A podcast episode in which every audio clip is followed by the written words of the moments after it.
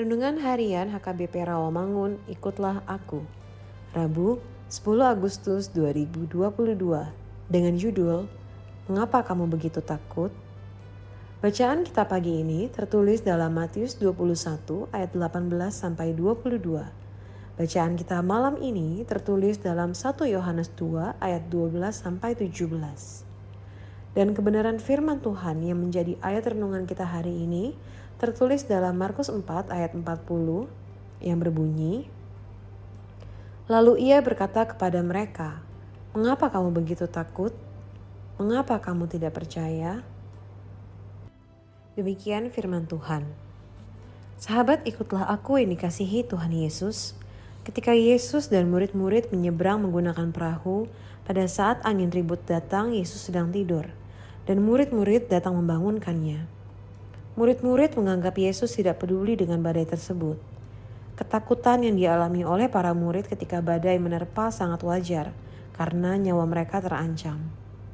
Setelah itu Yesus bangun dan menghardik angin dan danau itu dan berkata, "Diam, tenanglah." Kedua kata ini memakai bentuk kata perintah. Ini berarti Yesus mempunyai kuasa atas alam.